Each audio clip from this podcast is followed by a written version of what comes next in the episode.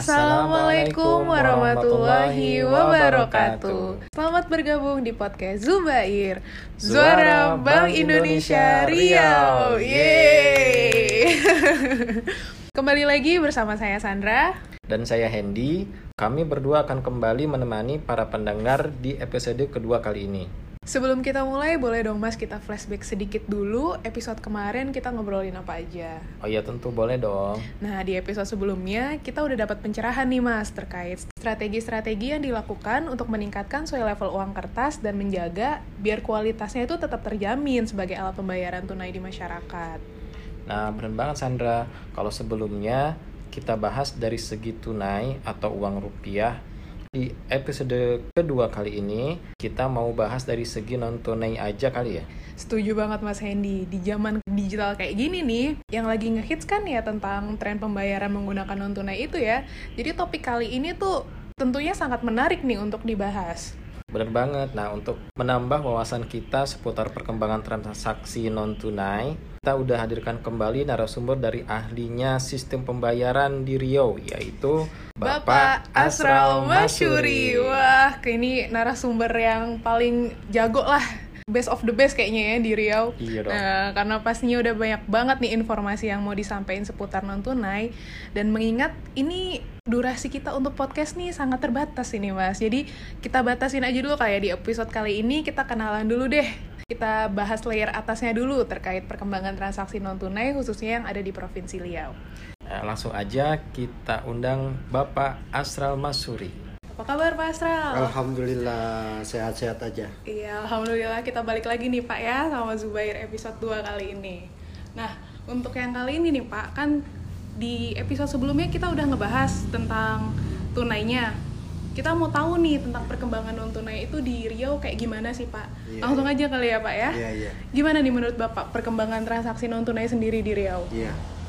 Episode lalu kita bicara mengenai tunai ya, apa dan bagaimana, kemudian bagaimana uang itu bisa sampai di tangan masyarakat merupakan proses yang panjang. Benar Pak. Nah, oleh karena itu kita hari ini membicarakan masalah yang lain, tapi saya ingin bilang bahwa antara tunai dengan non tunai itu seperti posisi mata uang yang nggak terpisahkan. Kayak anak kembar gitu ya Pak? Iya. Jadi kayak pinang di belah dua nih, harusnya Oke. gitu. Karena kan mata uang itu harus dua sisi. Kalau satu sisi kan berarti dipalsukan gitu ya. Iya benar. Nah, non tunai, saya ingin mengatakan begini. Penting untuk kita ketahui bahwa non tunai ini pada saat pandemi Covid-19 menjadikan satu solusi bagi kita. Data mengatakan meskipun nasional ya 70% peningkatan orang sekarang menggunakan mobile banking. Ini suatu hal yang sangat amazing ya buat saya, credible. 70% nasional saya kira di Riau kurang lebih sama lah arahnya ke sana gitu. nah oleh karena itu kita harus mendapat apa perhatian serius nih mengenai transaksi non tunai. Non tunai itu kita bagi dua, transaksi besar dan transaksi kecil. Ya, Oke. kalau transaksi besar kan kita udah pasti tahu lah RTGS, SKNBI yang sekarang sedang digadang-gadang nanti SKNBI digantikan oleh BI Fast. Nah, untuk yang transaksi retail, pada dasarnya itu ada dua cara untuk bisa melakukan transaksi pembayaran non tunai secara retail. Pertama apa yang disebut dengan APMK. APMK itu alat pembayaran menggunakan kartu. Itu bisa menggunakan kartu ATM. Non tunai kita meskipun ATM bisa dipakai untuk mengambil uang tunai ya, tetapi juga di mesin ATM itu ATM itu bisa digunakan untuk non tunai dengan cara melakukan transfer. Oke. Nah, kemudian setelah itu ada pembayaran dengan kartu debit. Nggak ada bedanya sebetulnya kartu debit itu dengan kartu ATM. Mau tapi kartu ATM itu kita gunakan dengan kanal edisi untuk mendebet rekening kita pada waktu melakukan transaksi pembayaran. Dan itu sudah biasa dilakukan oleh banyak orang. Kita ke mall misalnya beli baju, beli sepatu, kita nggak bayar pakai uang tunai, hanya memberikan kartu ATM saja berfungsi sebagai kartu debit. Iya, itu udah dihitung non tunai ya Pak? itu sudah dihitung non tunai. Baik. Jadi eh, kita kan dalam sistem bayaran itu mengusung dua prinsip. Yang pertama adalah interoperability. Artinya satu device dioperasikan untuk banyak kepentingan. bisa ATM itu ngambil uang tunai, bisa untuk transfer, bisa untuk apa eh, belanja dengan debat, yaitu kita sebut sebagai interoperability. Yang kedua adalah interconnectivity. Kartunya apa saja, mau BCA, mau Mandiri, mau BRI, itu hanya menggunakan satu kanal edisi. Nah, itu kita sebut interconnectivity. Nah, itu APMK. Ini masih retail. Yang kedua, untuk transaksi retail dan ini menarik itu kita menggunakan apa yang kita sebut sebagai uang elektronik. Nah, uang elektronik ini menarik nih. Uang elektronik itu ada dua. Yang pertama berbasis chip. Kita tidak sadar sebetulnya karena bentuknya kartu ya. Tapi ditanam chip untuk menyimpan saldo. Nah, itu udah familiar digunakan oleh banyak orang. Kemudian ada satu lagi dan ini merupakan uang elektronik yang kekinian, keren banget. Generasi milenial suka banget nih mengenai ini, yaitu uang elektronik berbasis server.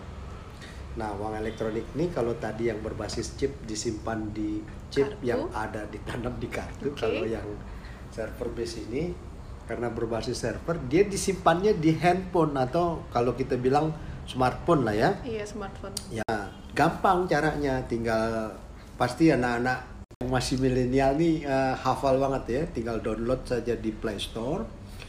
Nah, itu sama dengan kita eh, membeli chip yang ada di kartu yang basis chip tadi. Tapi kita jangan cara download. Katakan misalnya suatu perusahaan jasa sistem bayaran PT Visionet dia mengeluarkan produk namanya OVO. OVO itu ada di Play Store. Kita bisa download. Dan kita once kita download itu OVO, nanti kita bisa gunakan itu. uang elektronik server base itu bisa kita top up dan top upnya pun keren dengan mobile banking ya. Jadi tanpa kita pergi ke satu tempat, tidak perlu ke ATM ya kan tidak perlu ke mana-mana itu top up itu bisa kita lakukan di satu gadget yang bernama smartphone ya kan? Istilahnya cuma pakai genggaman tangan aja udah hanya bisa dalam gitu satu ya, Pak? genggaman tangan tuh. Oke, baik. nah kemudian PT Anak Bangsa ngeluarin juga apa yang kita sebut sebagai GoPay ya. Kemudian ada link aja ada dana ya. Nah itulah eh, apa eh, perkembangan non tunai kita. Banyak opsi tergantung preferensi orang mau gunakan apa saja bagaimana cara kita melakukan eh, transaksi untuk non tunai itu sekarang banyak pilihan baik APMK maupun uang elektronik. Dan saya kira dengan adanya pandemi Covid-19 ini saya boleh bilang istilah saya sendiri ya sebagai blessing in disguise. Jadi berkah pandemi Covid-19 ini malah sekarang non tunai ini begitu marak digunakan ya. Dan yang paling mencolok adalah penggunaan mobile banking karena dengan mobile banking kita eh, menjalankan seluruh protokol jadi kita tidak perlu eh, Keluar rumah. berkerumun tidak perlu keluar rumah kita menjaga social distancing kita menjaga physical distancing tidak perlu keluar rumah kemudian menggunakan masker apa pun bisa kita lakukan dalam satu genggaman tangan ya, saya kira gitu Nah, belakang ini kan yang dikampanyekan Bank Indonesia ini terkait kris ya, Pak ya? Mm-mm. Untuk kris sendiri gimana nih, Pak, perkembangannya di Riau? Nah, ini ini menarik. Ini menarik sekali ya. Saya pernah tanya salah satu pedagang asongan ya. Bapak tahu kris nggak? Tahu apa itu kris pusako? Kalau di Riau pusako ya, Pak kris itu kris pusaka Pusako, ternyata. Salah ternyata paham iya ternyata salah ya. paham. Iya, kris itu sebetulnya kanal saja. Sama dengan uang elektronik chip base tadi, untuk melakukan transaksi pembayaran kan butuh kanal namanya edisi. Butuh kanal namanya card reader. Butuh kanal namanya tapping box. Tapi kalau untuk yang server base ini, kita butuh kanal untuk melakukan transaksi yang kita sebut sebagai QR code.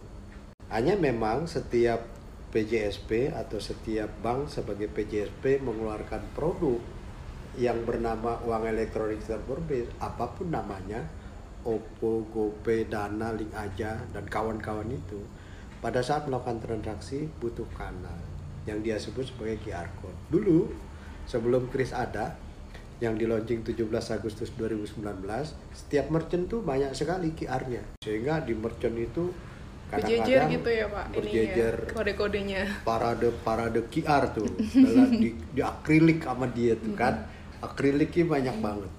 Nah oleh karena itu Bank Indonesia karena mengusung tadi ya prinsip interconnectivity dan interoperability nah oleh karena itu maka Bank Indonesia mengeluarkan KRIS. Yang kita sebut KRIS itu adalah Quick Response Indonesian Standard.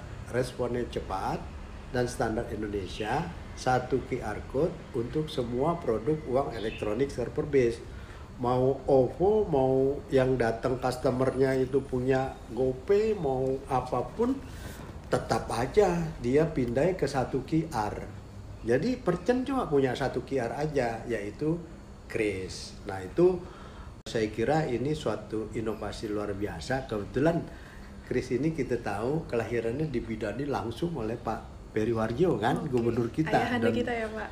dan ayahanda ini kan betul-betul punya pemikiran yang maju ke depan dan sudah mengadopsi atau beradaptasi terhadap perkembangan eh, keuangan digital. Bahkan sekarang bukan saja untuk pedagang-pedagang yang ada di mall, merchant-merchant yang besar-besar saja. Dan kita tahu Pak Peri itu makan sate di pasar di Solo tuh pasar Gawok ya Gawok, Pak. Di pasar Gawok makan sate Mbak Eni dan bayarnya pakai uang elektronik server base dengan pindah ke kris itu kan luar biasa Keren banget itu Pak. Kekinian bukan banget Pak ya. kekinian bukan tidak mungkin nanti di pasar bawah ya Di Riau pasar sini. wisata di Riau itu itu kita beli kangkung bayar pakai kris Kris. wah keren banget deh iya saya kira gitu itu juga sebenarnya memudahkan uh, pedagang ya pak ya karena nggak harus pusing nyiapin uang kembalian Betul. ngitung-ngitung segala macam kembaliannya Betul. justru itu bahkan nanti masuk langsung masuk ke rekeningnya pedagang ya pedagang. Nah inilah kan kalau di dalam sistem pembayaran tuh kita punya satu tagline yang saya sampai sekarang terngiang-ngiang kalau tidur ingat terus tuh cemumuah. Cemua. apa itu cemumuah. Jadi artinya sistem pembayaran itu harus cepat, mudah, murah, aman dan handal. Handal. Oh. Keren ya? Iya. Perlu. Iya kan keren sistem banget nih. Cepat, ini. mudah, murah, aman dan handal. Kris itu mengadopsi semua loh. Cepat di quick response. Mudah, gampang dia pakai handphone aja. Ya kan? Hmm. Murah. Customer sama sekali tidak dibebani apa pun. Oke. Memang ada MDR. Mengapa semua produk uang elektronik mau OVO dan kawan-kawan bisa dibaca satu QR? Ada lembaga yang bekerja untuk itu namanya lembaga switching. Dan lembaga switching ini perlu biaya dan itu dia dikenakan MDR buat merchantnya ya. Tapi nggak banyak kok, cuma 0,7 persen. Tergerus keuntungannya, tapi dia dapat potensial buyer karena kita menyediakan pembayaran dengan kris ini lebih banyak dibandingkan MDR-nya. Bahkan selama pandemi COVID-19 ini. Yang tadi MDR 0,7 itu sekarang direlaksasi loh nol. Yang merchant nggak bayar, yang customer nggak bayar. Nggak ada biaya tambahan Nggak tapi ada ya, biaya Pak, tambahan. selama pandemi ini. Ya kan? Oke. Di mana nggak murah tuh. Mm-mm, Ya Murah kan? banget itu Pak. Aman. Ya kita tinggal bawa handphone aja. Kalau duit kan takut jatuh, takut dicuri, takut apa kan gitu. Aman kan? Mm-mm. Nah yang terakhir itu handal. Jadi Handal. memang handal. Canggih banget ya. Ah, dan yang menarik tadi yang ditanyain Handy, bagus banget tuh. Mau transaksi berapa? 5.917. Iya, exactly segitu. Coba kalau misalnya pakai uang tunai. Kembalian 73 rupiah gimana kembaliin? Bingung juga pedagang ya Kan? Pak. Bingung bikinnya. kalau ujungnya dibuletin ke atas ya pak Nah, itu ya jadi 6.000 deh kita bayar ya kan? Iya, gitu. Hen. Nah, selain tadi kan eh, di pedagang di, atau di merchant ya Pak ya, itu bisa untuk sektor apa lagi sih Pak? Bi- Untuk menggunakan kiris ini? Ya. Nah, ini menarik nih pertanyaan Hendy ini. Saya senang sekali dengan pertanyaan ini. Orang biasanya konotasinya kalau Chris ya transaksi jual beli kan kulineran, Iya. ya kan Iya, fashion gitu. buat Padahal enggak. Kris ini bahkan bisa dipakai untuk yang kegiatan-kegiatan yang bersifat rohani. Sebut saja misalnya masjid. Kita sekarang kan donasi nih, jis, zakat, infak, sedekah. Kalau kita sholat nih, sholat Jumat terutama kan keliling tromol tuh. Tromol itu biasanya ada lubang yang kecil.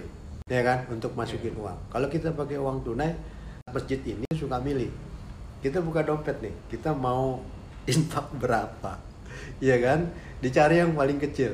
Kalau nggak ada 2000 ya 5000 cari yang paling kecil mana yang paling lusuh? Yang paling jelek. Habis itu dilipat-lipat karena lubang kecil kan? Iya.